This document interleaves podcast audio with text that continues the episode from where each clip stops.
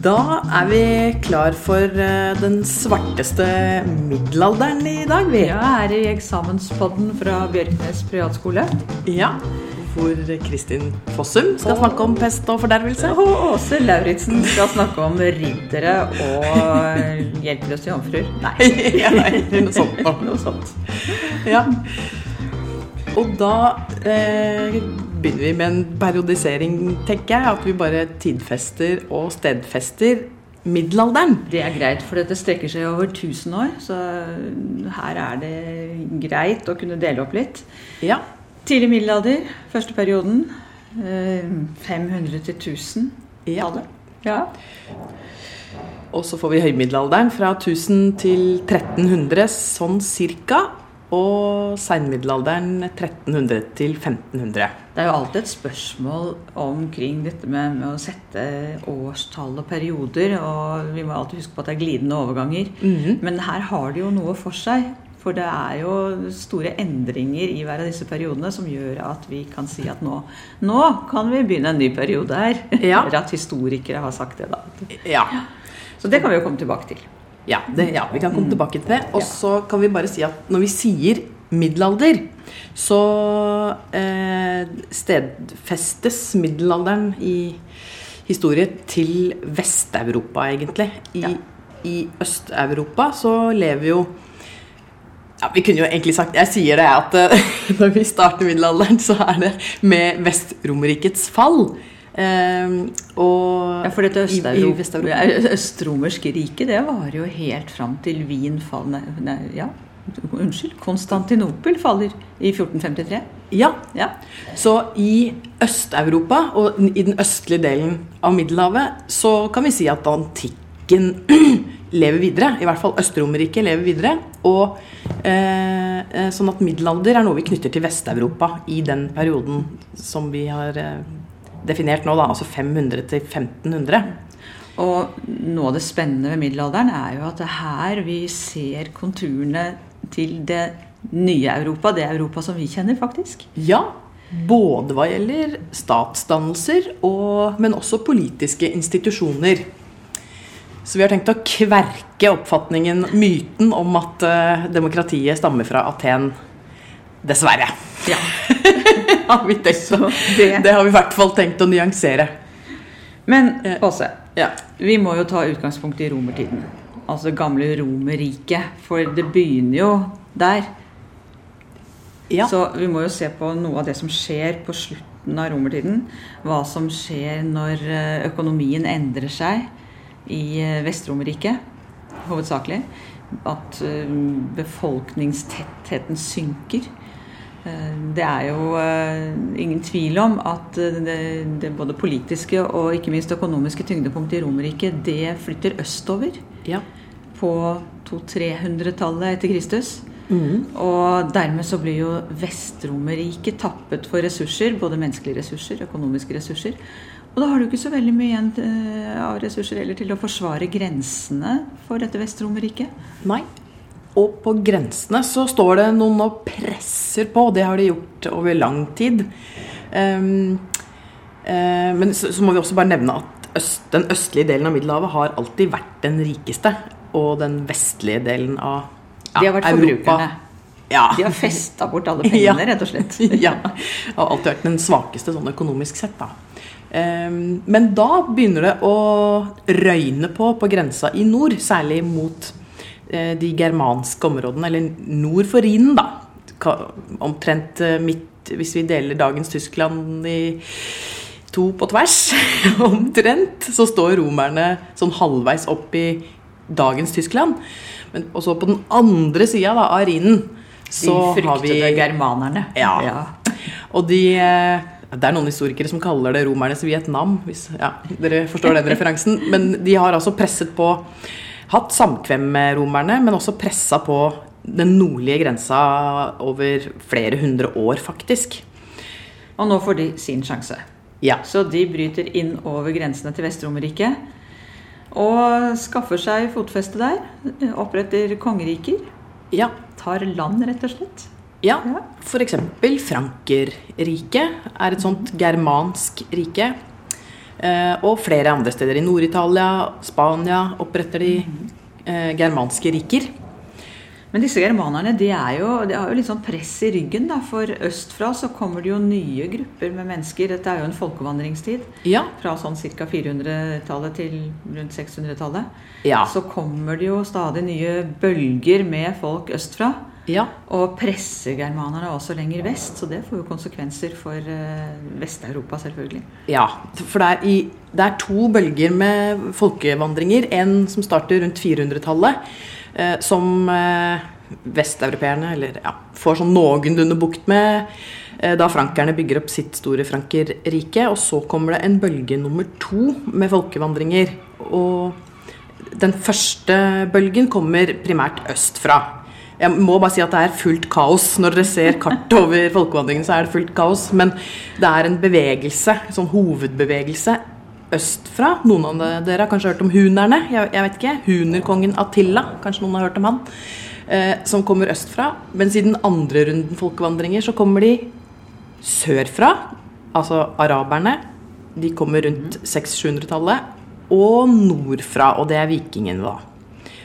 Ja. Så stakkars europeere. Stakkars europeere! Det er ikke fra alle kanter, rett og slett. Ja. Så da Romerriket faller, hvis vi bare oppsummerer kort, eh, Kristin, så er det indre svakhet, kan vi si, ved, Ja.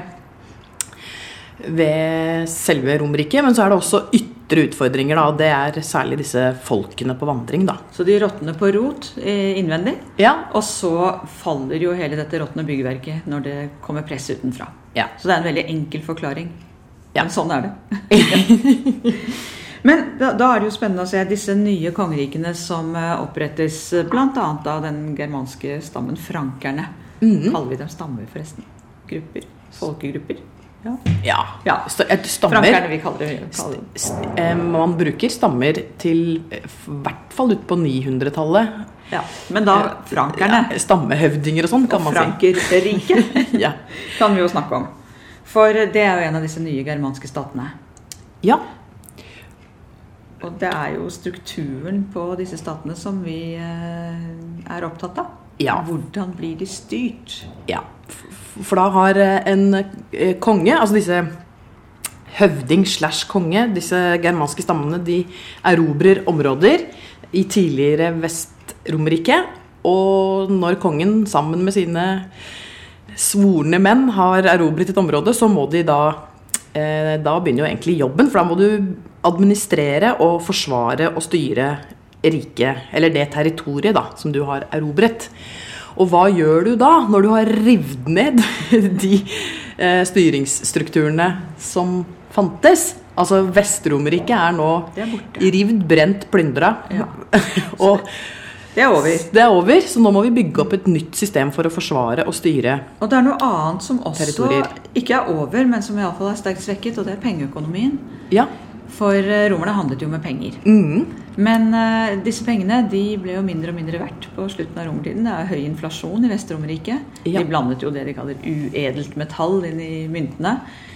Uh, og dermed så er vi jo i en fase hvor vi er på vei mot det vi kaller naturalhusholdning, hvor egenproduksjon og byttehandel er måten å gjøre det på. Ja. Når du ikke har penger som betalingsmiddel. ja. Og så vanskeliggjør også folkevandringene handel. Fordi det er eh, å legge ut på landeveien i tidlig middelalder er livsfarlig. Du kommer til å Hvis du ikke har med deg krigerfølget ditt, eller hvis du ikke er viking, liksom så er kommer du fullt av røverbander. Ja, så blir du robba og drept. Ja. Ja. Så det er svært vanskelig å opprettholde pengeøkonomi og handel i tidlig middelalder. Ja, og handelen gikk jo gjerne mot uh, Midtøsten. Så Det var jo et sånn handelsknutepunkt. Å bevege seg f.eks. da fra Tyskland eller Frankrike eller noe sånt dit, det var altså livsfarlig. Ja. Så nå begynner det å bli problematisk. Så dette her må jo da få konsekvenser for hvordan man ordner styret av disse nye statene. Ja. Og da fins det et eh, system som, for å styre og administrere stater som vokser fram i middelalderen, som vi kaller føydalisme. Og vi kommer til å snakke mest om føydalisme i Ja. det videre nå, fordi det dominerer i hvert fall deler av Europa i middelalderen. Og så kommer vi til å trekke inn et annet system, nemlig kirken, litt underveis. Men vi kommer til å ha fokus på eh, dette styrings- og forsvarssystemet som kalles eh, føydalisme, eller føydalsystemet. Så hvis vi nå tenker oss da at du, Tenk deg at du er en germansk høvding eller konge som har erobra et territorium, og står eh, egentlig litt sånn på bar bakke. Hvordan skal du da klare å Men du eh, er ubestridt sjefen, altså. Ja. Du kan på en måte bestemme hvordan dette her skal bli. Ja. Ja. For du eh, som erobrer har vel du også makt over eh, land og vann, over jordeiendom? Ja. eh, Du har jo på en måte erobret et territorium som du kan se på som din eiendom. Ikke sånn i moderne forstand, men eh, Så du har noen ressurser, og du har noen menn med deg. Men du Eh, mangler penger.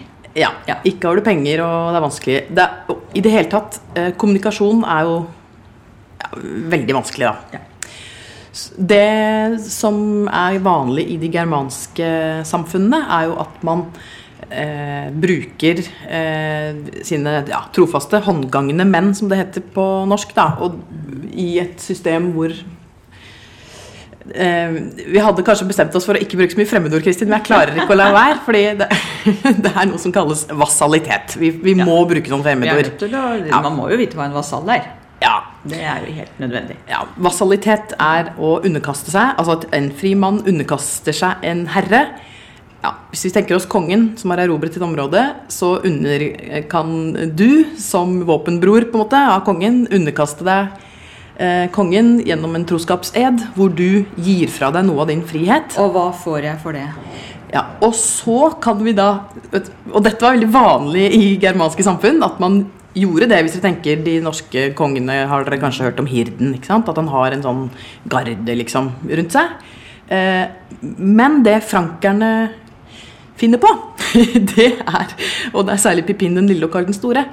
De, eh, de tenker da at når eh, du underkaster deg kongen, eller herren din, da, for å yte gjøre ytelser for kongen din, f.eks. For forsvar, eller administrasjon i et område, så, Så- får du som eh, betaling i gåseøynene et len.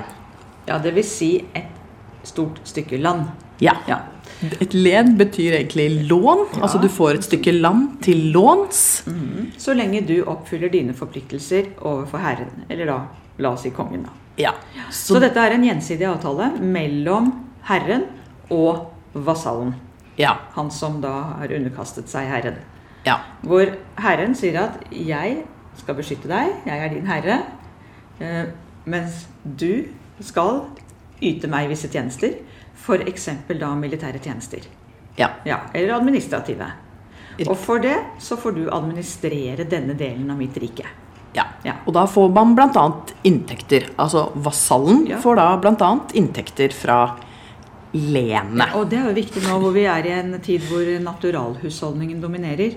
Da er det jo jord, altså det du kan dyrke noe på, som er verdien. Fordi det du kan dyrke, det kan byttes bort mot noe annet. Det kan fø på krigere. Man trenger jo krigere. Vi har jo snakket om hvor farlig det var. Mm. Slik at eh, det er jo der verdien ligger. Den Ja. ligger i jorda. Så i motsetning til som vi kanskje kan si i dag, og kanskje også gjaldt delvis i romertiden, penger er makt, så måtte man da si at jord er makt. Ja. For det er jo i jorda virkelig verdien ligger. Yes. Mer jord, flere kan du fø på, flere kan du ha som i krigerfølget ditt, som sagt. Så jo mektigere er du. Ja. Så det, det er to elementer i, eh, i denne måten å organisere statsforvaltningen med personlige relasjoner på. Både det at vasallen underkaster seg en herre, og at vasallen får et len, altså jordstykke på lån, for den ytelsen, da. Og det kan være enorme områder. Det Det er så store at disse vasallene kongen inngikk avtaler med, de greide kanskje ikke å administrere det helt alene. De måtte ha hjelp også. Ja. Så vi har jo et system hvor, som er i flere trinn. Ja. Hvor denne vasallen, som har en avtale med kongen, ofte kalles kronvasall. -hmm. Og han inngår avtaler med nye vasaller som underkaster seg han igjen. altså undervasaller, mm. på noen av de samme betingelsene. Ja. Slik at dette her er jo en, egentlig en oppsplitting av et rike. ja. Fordi du trenger denne altså Du bruker rett og slett denne jorda som en slags betalingsmiddel eller lønn for tjenester Ja. istedenfor penger. Yes. Og det var ikke meninga at det skulle bli sånn. Husk at kongen oppretter det systemet for å styre kongeriket sitt. Og det var egentlig bare til låns, Det var til låns. jf. ordet len. Mhm. Føydum er forresten det samme som len, bare på latin. Len er et germansk ord. Ja. Mm. Eh, det som er Hvis dere tenker dere Noen har kanskje sett det som, het, det som vi kaller lenspyramiden, som er en sånn overforenkla teoretisk framstilling av føydalsamfunnet, med kongen på toppen, kronvasaller rett under kongen og undervasaller under kronvasallene. hvis dere ser for dere en pyramide med tre lag, og så skal vi komme tilbake til det nederste laget, som er bøndene, men nå konsentrerer vi oss om makta i systemet. Så har vi nå fått egentlig grovt sett to nivåer under kongen. Og det er det vi kaller lenspyramiden. Ja. Ja. Og limet er da eh, det at vasallene er lojale overfor herren de har sverget troskap til. Så det baserer seg altså på lojalitet. Og det kan jo være en litt uh, vaklende faktor her. Det kan jo være så som så med noen ganger. Det kan det. Særlig når undervasallene ikke avlegger troskapsed til kongen. Så de føler ikke noe overfor han kongen. Han er fjern og langt bort. Og husk at det var vanskelig å flytte på seg også. Ja. Det, og, det, og det er enorme avstander. Hvis vi tenker på det, det største riket som vokser fram i tidlig middelalder, så er jo det Frankrike. Og det er jo eh, dagens Frankrike, Tyskland og Nord-Italia. Nord-Italia. Deler av Nord-Italia. Så det er enorme avstander her. Og eh, vi kan jo nevne eksempler på sånne len, da. F.eks. Normandie er et sånt eh, len, og Anjou. Ja, så er, vi snakker om Egentlig så blir jo disse lenene småstater i seg selv. Ja, og det er jo det som skjer. Småriker. Ja. Mm. Men dette her er jo et tydelig brudd med romertidens styringsstruktur, der hvor eh, du hadde en sentralisert makt til keiseren i Roma. Så her skiller jo middelalderen seg klart fra Romerriket. ja. For det som altså både politisk og økonomisk, fordi vi har gått fra pengehusholdning til naturalhusholdning, og fra et sentralisert makt til en, det vi kan kalle en desentralisert makt. da. Ja. Så da har vi iallfall kommet så langt. ja. Er det noe som er? Men disse herre Skal vi ta den nederste delen nå? Disse Ja. bøndene? Altså det, er, det er jo folk flest. Det er sånn som oss. ja. Folk flest. For vanlig, for, eh, de aller fleste altså, sånn. Ja, altså Dette toppsjiktet kan utgjøre fra mellom 2 til kanskje 10% ja, Men ikke en veldig stor del av samfunnet. De aller, aller fleste i middelalderen er bønder. Ja. Så hvis vi nå går fra å snakke om føydalisme til å snakke om føydalsamfunnet Nå har vi bare snakka om toppen, hvor det skjer føydalisering. Og hvis vi skal snakke om folk flest, så snakker vi om føydalsamfunnet. Så da skal vi snakke litt om sosiale og økonomiske forhold i lenspyramiden. Ja, for alle disse eh, vasallene som skulle gjøre tjeneste for kongen, administrative eller militære, de hadde jo hendene fulle med det. Ja. Og det å drive krig, det måtte man jo trene på. Dette var jo en tid hvor eh, eh, krig var forbeholdt en overklasse. Ja. De eh, hadde rustninger og kravla seg opp på hesten etter hvert. Og drev eh, krig fra hesteryggen med lanser og den slags. Ja, og det er jo enormt kostbart. Så kostbart. for en vanlig bonde så er det helt utenkelig å tenke altså. at de skulle Ja. ha råd til hest og Men de skulle fòre både hestene og de oppå hestene, så noen måtte jo skaffe det de trengte av mat. Og de måtte skaffe alt det andre òg. Sko, rustning, seletøy. You name it. Ja. Og Produsenten. der kommer bøndene inn. Ja. Ja.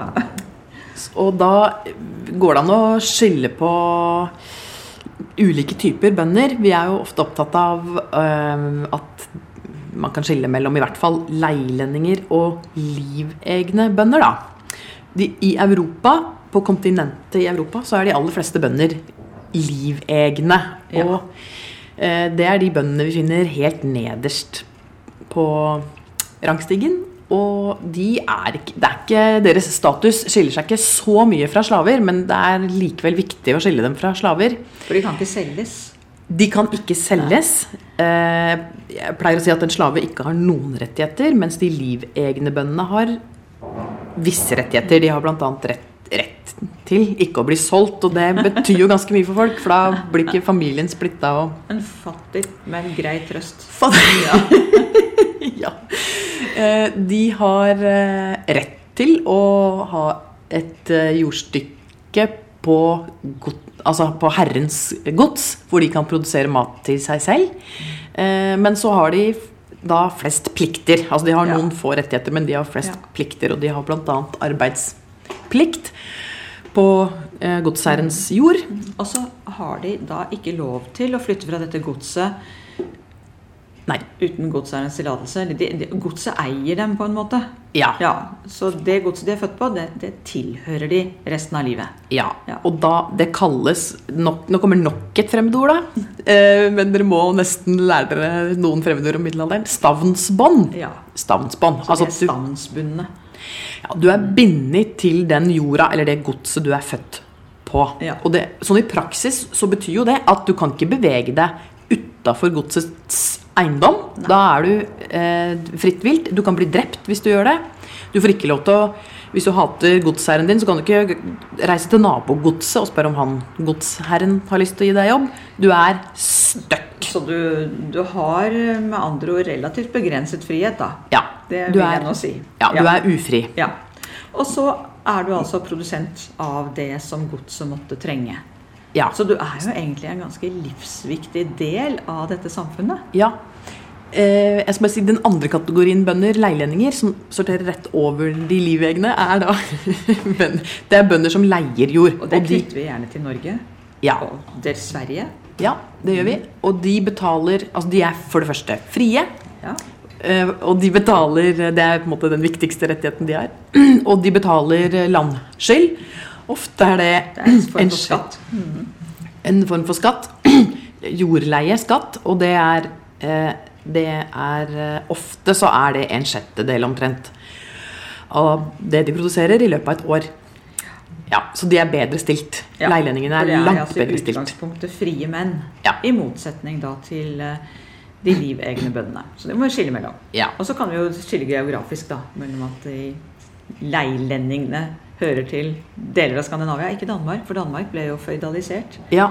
Men uh, iallfall Sverige og Norge. ja. Mens eh, de eh, livegne de finner vi i, på det europeiske kontinentet. Ja.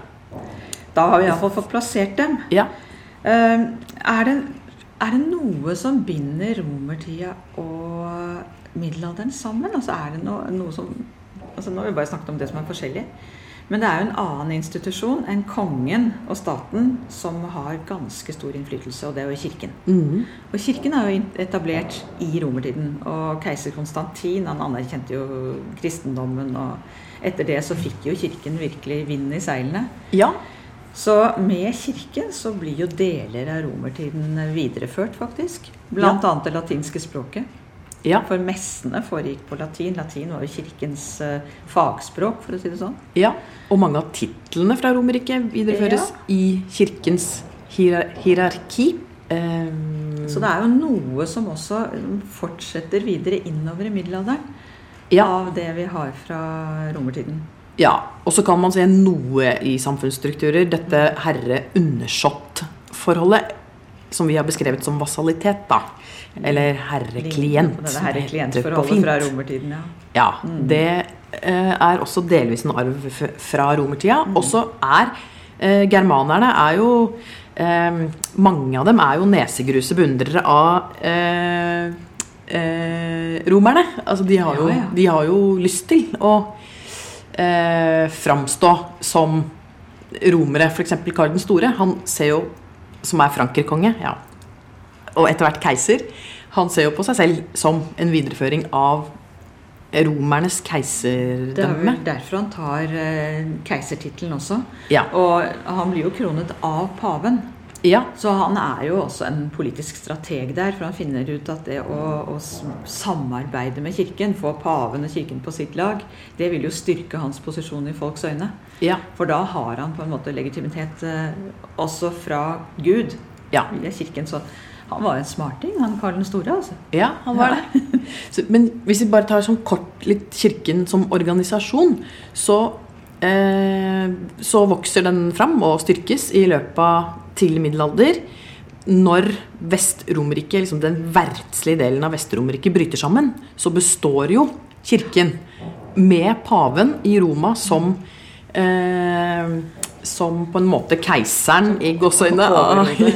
Så den, den er jo kontinuiteten gjennom alt kaoset. Ja.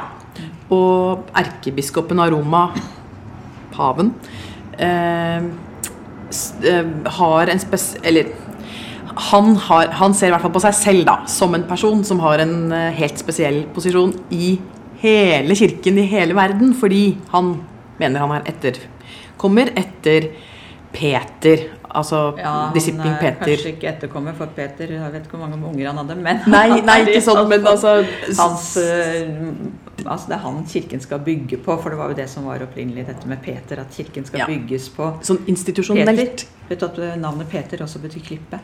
Ja. Ja. Derfor. Klippen Jesus skulle bygge kirken på.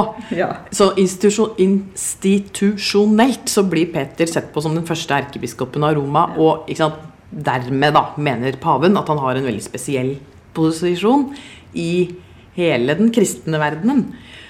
Og så bygges da i på en måte ruinene av Romerriket så bygges en eh, maktstruktur opp rundt kirken. Så kirken blir også en mektig maktfaktor ved siden av alle de Så her må vi håndtere fyrstene. både keiser, konger og kirken i Ja. middelalderen. Ja. Det er et salig rot. Det er ikke sånn orden som det er i dag. Nei, i dag. Orden.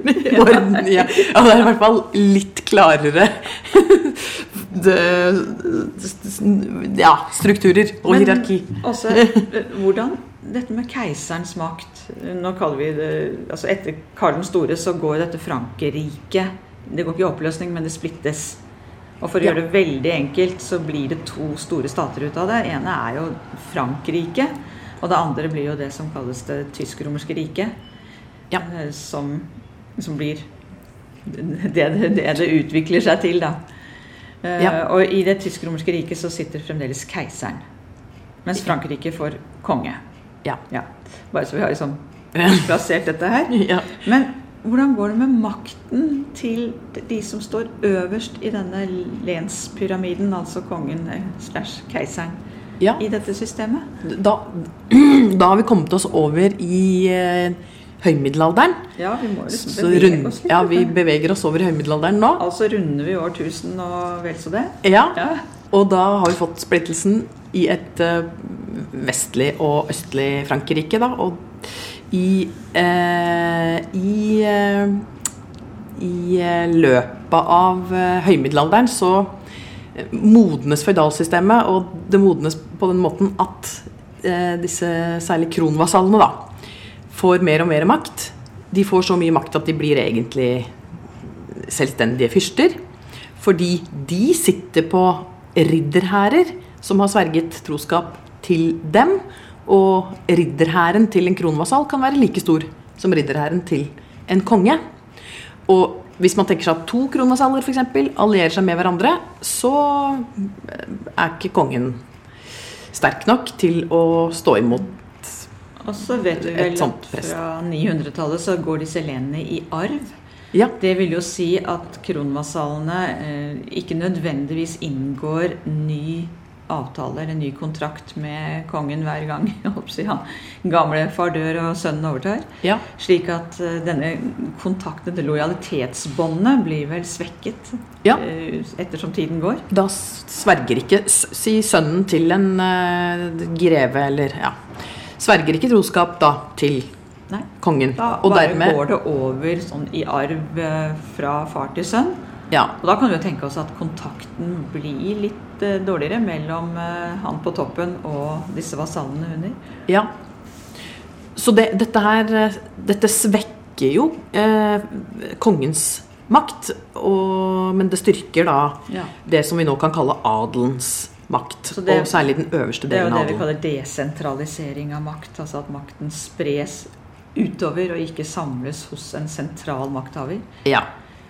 Og så kan jo, som du var inne på, disse vasallene ha motstridende eh, ønsker og mål vis-à-vis eh, -vis konge eller keiser. ja. Og de kan slå seg sammen. De kan rotte seg sammen mot han på toppen. Ja da, og ma mange av dem har jo ambisjoner om å bli konger.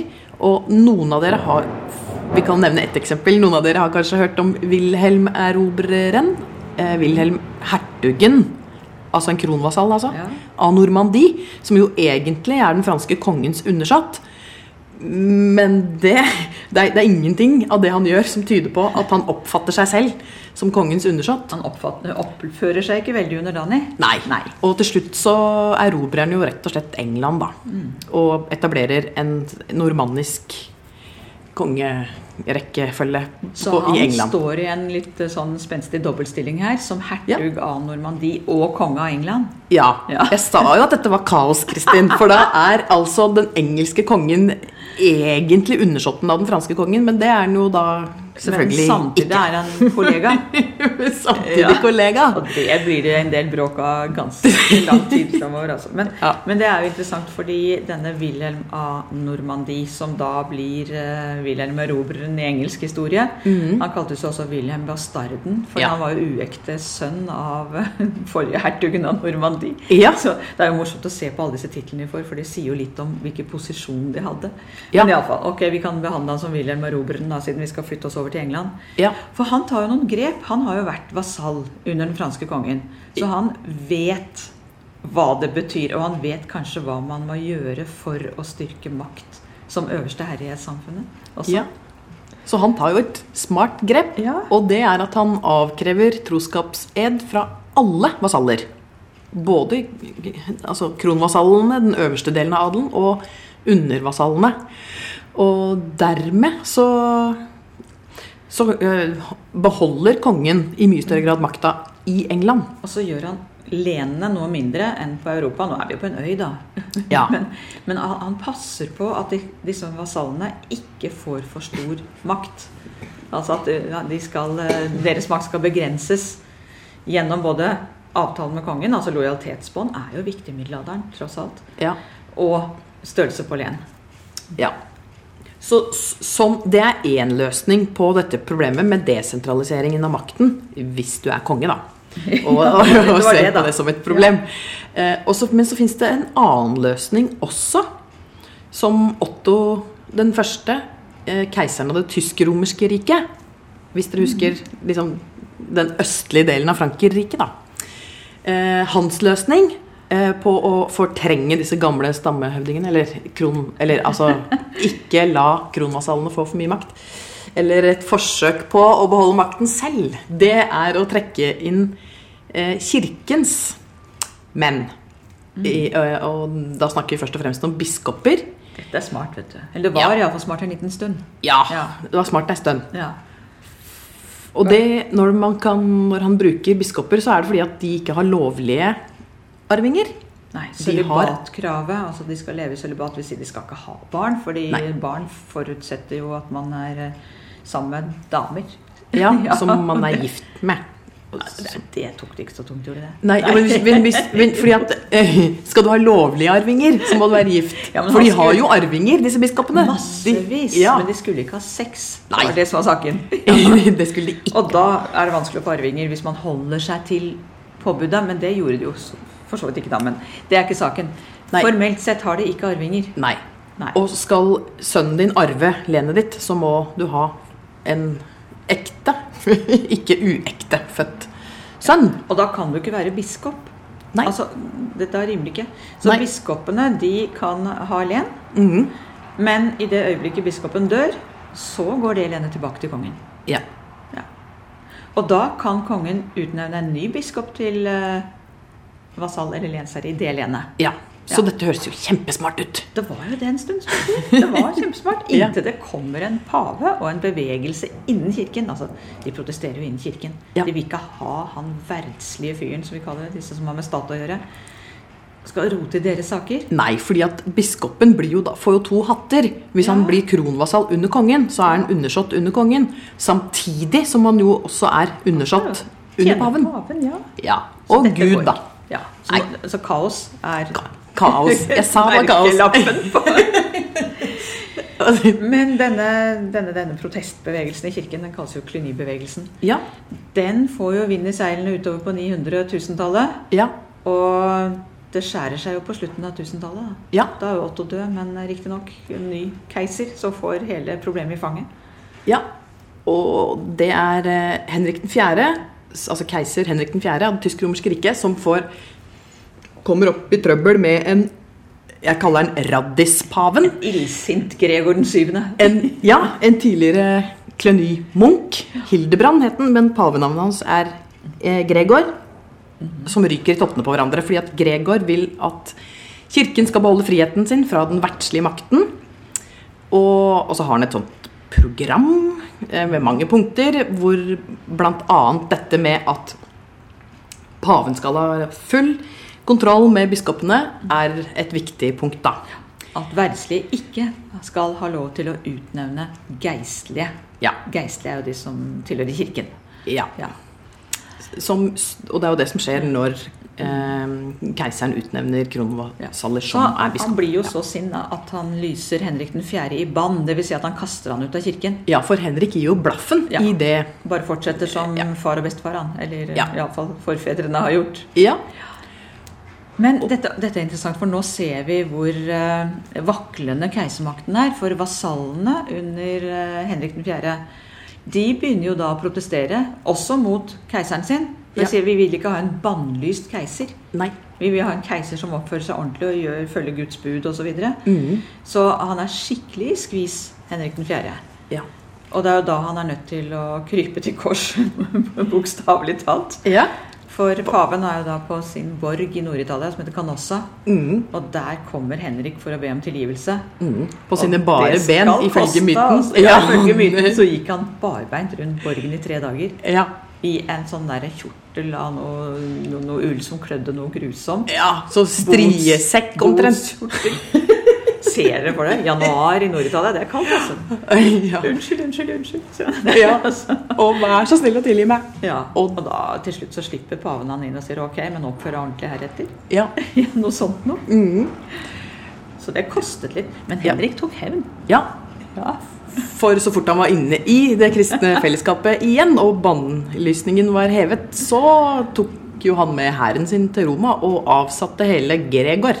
Og innsatte en eh, mye mer Henrik-vennlig Urban Ja, og da, og da kan vi snakke om investitur. Altså når keiseren innsetter selveste paven. For det er jo det Henrik gjør. Investiturbegrepet har vi vel ikke eh, Nei, det, introdusert? røyk vi på et Der nytt fagbegrep. Det er ikke greit. Altså, det betyr egentlig å ikle seg noe. Ja. Men det henspiller jo, spiller jo på den seremonien som foregår når en biskop f.eks. blir innsatt i embetet. Det er en geistlig investitur. Da skjer det jo ting. Det er en seremoni rundt, og du får en ring og en stav og sånn som symboler på bispeverdigheten. Mm. Men så har vi den verdslige varianten. Det er jo når kongen eller keiseren innsetter en vasall i lenet. ja. Det er den verdslige, når denne, denne gjensidige kontrakten inngås. Så det både Altså det Henrik gjorde, som paven ikke likte, var jo å foreta denne geistlige investituren. Og Ja. da selveste paven, da. Ja. Er det noe rart det blir bråk? Nei. Nei. Og da blir det, og da blir det bråk. Blir det bråk. Så Hen Henrik får eh, mange mektige mot seg, også til og med sin egen sønn. Og eh, blir eh, eh, selv rammet av eh, motstand mot ham selv. Han eh, vi, vi gjør det kort, Kristin. Ja. Det settes inn eh, altså, hva skal jeg si, Den katolske kir kirke gjenerobrer makten over sin egen organisasjon, innsetter eh, sin egen pave, og så kommer det til et forlik i Worms Ja. som er et kompromiss eh, hvor eh, kompromisset kort går ut på at keiseren får den reelle makten eh, til å bestemme over eh, hvem han skal sette inn som kronvasaller. Eh, og da kan han Han får makt til å innsette biskoper også i det tysk-romerske riket, mens paven blir eh, herre i eget hus. Altså i eh, I den katolske kirke i eh, Italia. Han får jo også rett til å foreta den geistlige investituren. Da. Altså den kirkelige delen Ja. av handlingen. Ja, men, men hvis han skal innsette biskoper i det tysk-romerske riket, så må eh, det skje med en biskop som kan aksepteres Av ah, keiseren. Ja. Gud a meg. Men du, altså litt tilbake til han Urban, for dette er jo morsomt. Hva gjør man når det er så mye kaos innad Ja. i kirken? Da. Jo, man finner en ytre fiende. Yes. Indre Urban, kaos. Han holder jo denne berømte talen hvor han oppfordrer alle kristne til korstog mot muslimene. Ja. Ja, Mot de vantro, som han kaller det. ja. Ja. Altså, Løp av sted til Midtøsten. Se der, se der borte, der er det en farlig fiende. Så ja. glemmer vi det indre kaoset. Ja. ja. Men da har araberne ekspandert i altså det gamle Romerriket, på en måte, da. I, fra slutten av 600-tallet. Og eh, ja, det, den, det dråpen som får begeret til å flytte over eh, for Urban, er vel erobringen av Antiokia. Eh, det skal vi se 30 det, på, det var fem eh, sånne erkebispesetter i Romerike, og det er liksom ett av de fem. Så nå er det bare to igjen. Konstantinopel og Roma, da. Mm. Ja. Eh, så det, de, de, oppfattet det jo som en reell trussel? Ja, ja. det gjorde de. Det, Og de og de er en reell og de trussel. De ekspanderer i de kristne områdene, og de tar det ene kristne Ja. etter andre. Og det andre. truer jo Øst-Romerriket, som fremdeles består. Ja. Og det er jo under så ligger det jo også en bønn fra keiseren i Konstantinopel om hjelp Ja. mot denne trusselen utenfra. Men Ja. det er jo veldig effektivt. Det kommer jo liksom veldig greit sånn tidsmessig, da, når det var så mye kaos inne. Så kunne man rette oppmerksomheten mot den ytre fienden. Ja. Pluss at paven har ambisjoner om å bli leder for hele den kristne kirken. Ikke Også sant? over Han vil gjerne ha med seg Østkirken. Ja. Fra kaoset i høymiddelalderen, eh, men et system hvor vi ser at adelen får mer og mer makt, og særlig kronvasaller, så skal vi bare kort si noe om at dette systemet svekkes kraftig i seinmiddelalderen. Og det har med økonomi å gjøre. Eh, framveksten av borgerskapet og pengeøkonomien i selvstendige bystater i Europa, som truer adelens makt. De lever av handel. Eh, dere kjenner sikkert til de eh, norditalienske eh, selvstendige bystatene. F.eks.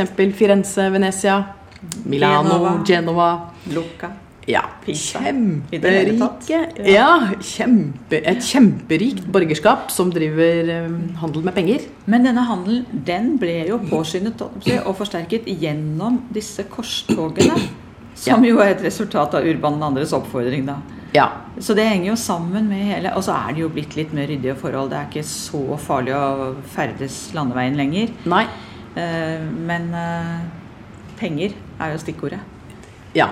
Så borgerskapet eh, blir en eh, rik trussel mot adelen. Det som ofte skjer, er at borgerskapet allierer seg med kongene, keiseren, og eh, eh, sikrer seg rettigheter, selvstendighet for bystaten sin, gjennom at eh, eh, de betaler skatt til kongen. Og adelen blir da utmanøvrert. Og så kommer svartedauden og gjør at eh, eh, Dere kjenner til svartedauden. Mange mennesker dør, og vi får et overskudd av jord. Og dermed går jordpris og jordleie ned. Og de som sitter på jord, de vil svekkes av det. Og det er adelen. Mens borgerskapet som driver handel, svekkes ikke i like stor grad av Så du får Svarte altså inn en ny gruppe i samfunnet som kommer Ja. til å få mye makt takket være penger. Altså yeah. Dette handler jo mye om økonomi. Ja. Så når eh, pengeøkonomien nå langsomt vender tilbake, så er det jo det som blir maktmiddelet. Ja. Altså Jord er selvfølgelig noe verdt fremdeles, men eh, penger er også et maktmiddel. Ja. Så som du sier, etter svartedauden så kan man jo kjøpe opp jord, Ja, blant annet. det kan man. Så dette kommer til å endre hele strukturen igjen. eh, Ja. Og det svekker føydalismen. Ja, Og det svekker adelen, som Ja. på mange måter er kjernen i Ja. føydalismen. Så nå er det en ny gjeng på full fart opp, og det er borgerskapet. Men vi ser jo at de får liksom ikke helt grep om makten før vi kommer fram til den franske revolusjonen i 1789. Nei. For fremdeles så sitter denne adelen og tviholder på deler av makten. Ja. Men gradvis så bygger de jo opp sin makt og innflytelse. ja, og de får formell politisk innflytelse gjennom stenderforsamlinger allerede fra Ja. 1200-tallet av. Så dette skjer ikke over natta. Og der er vi jo inne på grunnlaget for det moderne Europa. Nettopp dette med kontrakt mellom de som styrer og de som blir styrt. Ja. Det er her det moderne demokratiet Ja. utvikles. Ja.